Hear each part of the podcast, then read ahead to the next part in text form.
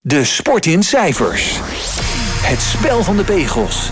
Winnen of verdienen. Dit is de BV Sport Update. Zoals elke week hier op All Sports Radio nemen we de financiële zijde van de sportwereld eens flink onder de loep. Want ja, waar wordt de sport nu eigenlijk van betaald en waar komt dat geld nu eigenlijk vandaan? Nou, zoals elke week praat sportmarketeer Frank van der Walbaken ons weer helemaal bij over het laatste nieuws. Eh, Frank, hele goede middag. Goedemiddag, Robert. Laten we beginnen met uh, iets wat uh, echt uh, vers van de pers is. Natuurlijk onze waterpolo-dames zijn zojuist wereldkampioen geworden. finale tegen Spanje gewonnen. Um, maar jij wilt het sowieso nog even hebben over vrouwen in de sport, hè Frank? We worden eigenlijk dagelijks op dit moment geconfronteerd met dat de Nederlandse vrouwen het zo goed doen in de sport. En als je dat koppelt aan het feit dat er bijna of geen gezeur is rond de vrouwensport. En dat er nauwelijks of geen ellende is op de tribunes. En dat de vrouwen zeer toegankelijk zijn voor hun sponsors. Dan geeft dat op, dan zet dat je aan het denken als je het hebt over sportmarketing. dus dat is wel leuk. Maar goed, die fantastische overwinning na penalties overigens tegen Spanje in de finale van het waterpolo voor de dames. Heeft ze niet alleen de wereldtitel opgeleverd, maar ook een ticket eh, voor de Olympische Spelen in Parijs. Dus dat is eh, prachtig. En als ik het dan toch over Parijs heb, uh, de Spelen in 2024, volgend jaar dus, in Parijs zijn wat sponsoring betreft uh, erg goed bezig. in een land als Frankrijk is het ook niet echt verbazingwekkend dat een bedrijf als Louis Vuitton, Moet, Hennessy heeft getekend als sponsor van die, die Spelen volgend jaar. Uh, mode, luxe, champagne en cognac past wel bij Frankrijk. Um, en de deal is maar liefst voor 150 miljoen euro. Um, de waarde ervan voor de organisatie. Dus dat is niet mis. Onderdeel van dat concern van Louis Vuitton, Moet, Hennessy, LVMH is het juweelmerk Chomet. En dat gaat alle medailles leveren voor de Spelen. De wijnen van het Moet Hennessy huis zullen exclusief zijn te proeven en te, waarvan te genieten in alle hospitality arrangementen. En de modemerken als Dior, Louis Vuitton en Berluti zullen overal aanwezig zijn in de Spelen en de Paralympics uh, die daarna volgen. En daarnaast heeft de concern een commitment afgegeven om de sport in Frankrijk extra te gaan omarmen als een soort legacy van de rol tijdens de Spelen. En dat laatste spreekt mij wel zeer aan. Want uh, sponsors vandaag de dag die moeten zichzelf meer afvragen. Uh, wat kunnen wij voor de sport betekenen en hoe kunnen wij de sport toegankelijker en beter maken. Uh, dus een lange termijn commitment om sport beter te maken van dat LVMH-concern is, ehm, is goud waard. Zeker voor de sport in Frankrijk. Ehm, op dit moment heeft Parijs overigens reeds de 1 miljard grens uh, euro's uit sponsors overschreden en is al dicht bij de doelstelling van 1,24 miljard. Uh, naast de 14 vaste partners, de toppartners, de topstart voor de Olympic Program uh, van IOC, heeft uh, Parijs ook nog eens grote merken aan zich weten te binden, zoals het zojuist al genoemde LVMH, maar ook de supermarktketen Carrefour, EDF Energie, de, de Franse energiemaatschappij, telecombedrijf Orange, farmaceut Sanofi, Air France, de hotelketen Accor, Cisco, Danone en PwC, om maar een enkele te noemen, er zijn er nog veel meer, maar die zijn allemaal al vastgelegd.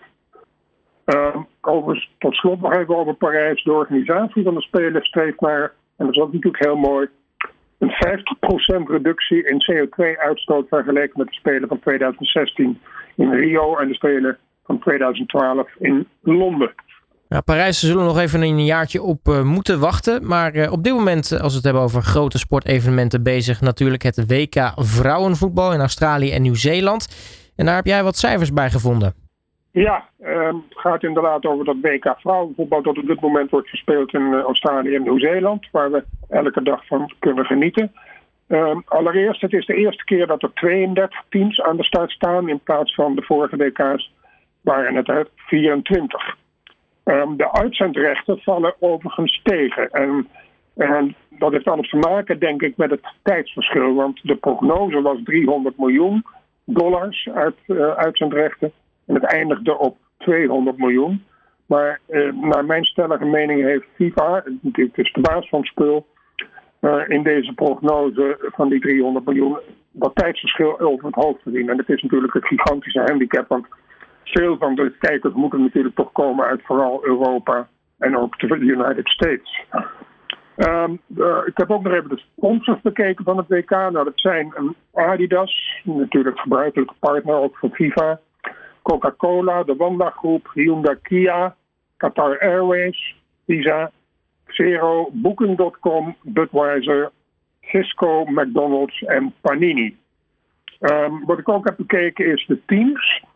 13 van de teams spelen in een Nike-outfit, 10 in Adidas en slechts 2 in Puma.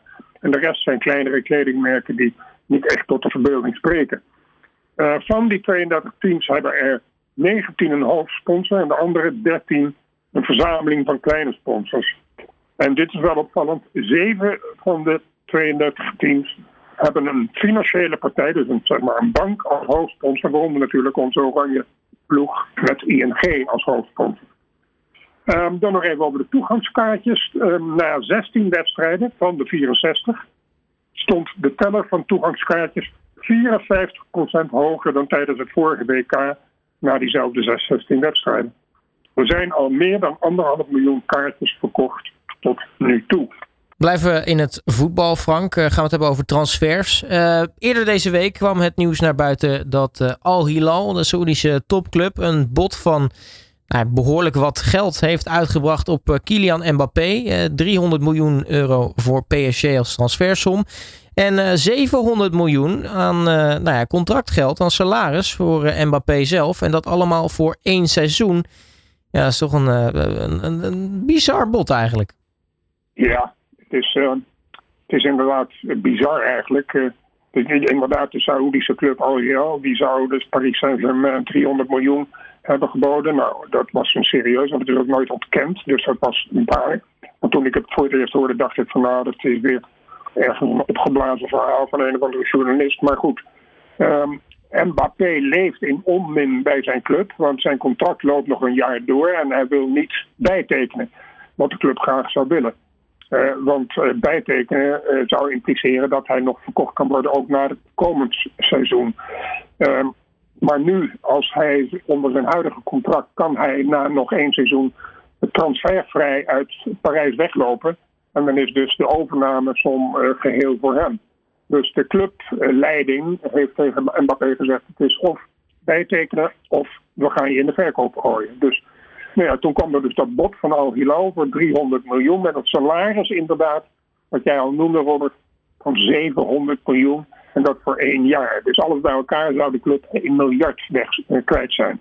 Nou ja, uh, het mooie is, uh, en dat is dan in, in alle gekte nu, vind ik dat Mbappé heeft uh, gisteren kennelijk officieel nee gezegd tegen het aanbod.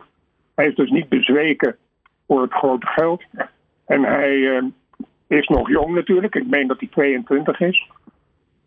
En uh, wil dus nog echt uh, topvoetbal spelen. En dat, daar is hij natuurlijk niet van gegarandeerd in Saudi-Arabië. Uh, dat geeft echter aan dat de voetbalwereld hartstikke gek is geworden. Uh, als het dat al niet is. want dit gaat dan weliswaar niet door. Maar het is wel de wereld ingeslingerd als een serieus bod. Hij gaat dus een eigen leven leiden. En dat ja, dat is een soort precedent dat gecreëerd gaat worden. En Saudi-Arabië en andere landen daar uit die regio, die hebben nogal wat goed gevulde portemonnees. Dus ik ben benieuwd waar het allemaal, allemaal toe leidt. De vraag is dan natuurlijk waar Mbappé wel naartoe gaat. Uh, ja, dat is een goede vraag. Er wordt gefluisterd dat Real Madrid in de markt zou zijn. De vraag is of uh, Mbappé daar naartoe wil. Maar het is natuurlijk wel zo dat Real Madrid heeft uh, Benzema verkocht. Voor ik meen ook 100 eh, miljoen aan een Saudi-Arabische club. Dus die zitten wel verlegen om een uh, goede spits. Dus dit wordt ongetwijfeld vervolgd, Robert. Dan uh, een andere grote speler die in dit geval dan wel verkast is. Lionel Messi is natuurlijk transfervrij naar Inter Miami gegaan.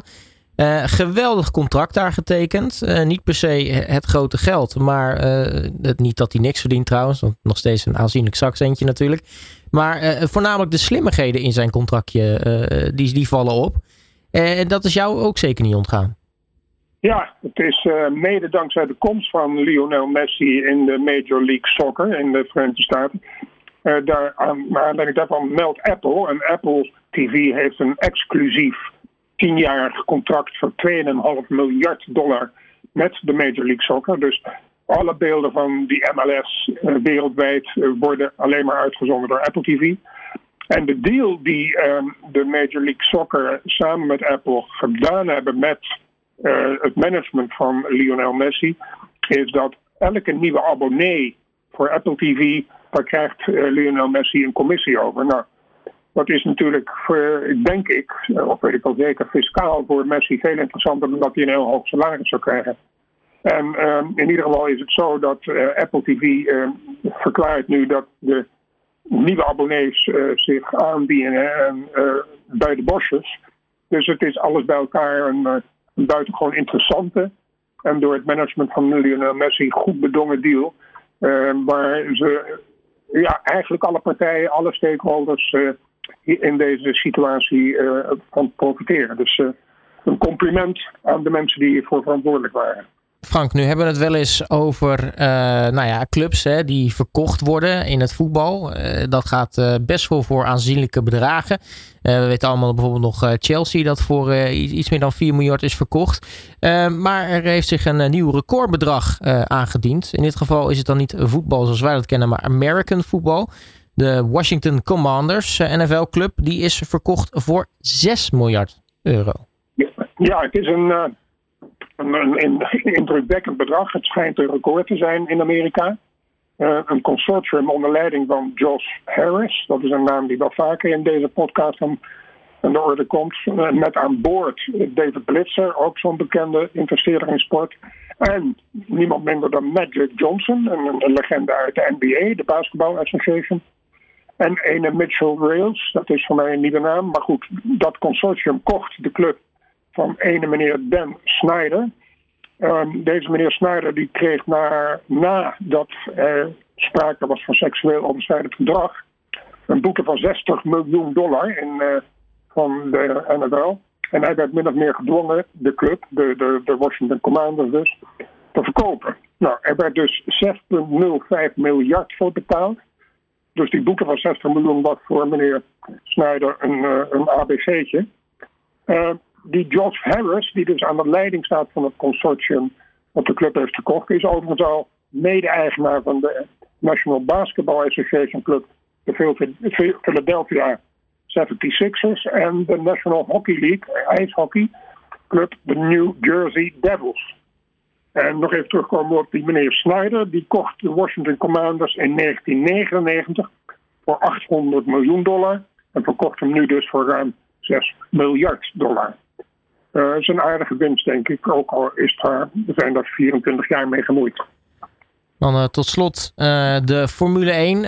uiteraard een beetje zo'n beetje de standaard afsluiter van deze, deze podcast, Frank. beginnen met de F1 Academy. Dat is nou een beetje de nieuwe W-series, de raceklasse voor, voor vrouwen. nu bezig aan het eerste seizoen, maar vanaf seizoen 2, komend seizoen, gaat er flink wat op de schop. Ja, Um, erg opvallend nieuws. Uh, alle tien Formule 1 teams op, op, het, startveld van de mannen zullen vanaf volgend jaar één auto met een vrouwelijke coureur uh, en in de kleuren van het mannenteam inschrijven voor de vrouwen Formule 1 serie. Dat is inderdaad uh, de start bekend als de F1 Academy. Ehm, daarnaast worden er nog vijf andere auto's toegelaten, zodat het vrouwen F1 circus zal bestaan uit 15 startplaatsen. Elk team zal 150.000 euro moeten betalen om te mogen starten. Dat is een soort, noem het maar, een entreegeld. En het is de bedoeling dat het vrouwenprogramma ook volledig live zal worden uitgezonden. En dat is natuurlijk een eis geweest, neem ik aan, van de huidige mannenteams, dat zij ook hier aan mee willen werken. Uh, het geheel uh, staat dus onder, op eigen benen onder de naam, uh, naam F1 Academy. En staat dus los van Liberty Media, de eigenaar van het mannencircus. Uh, en vooralsnog zal het programma van de F1 Academy parallel lopen aan dat van de mannen.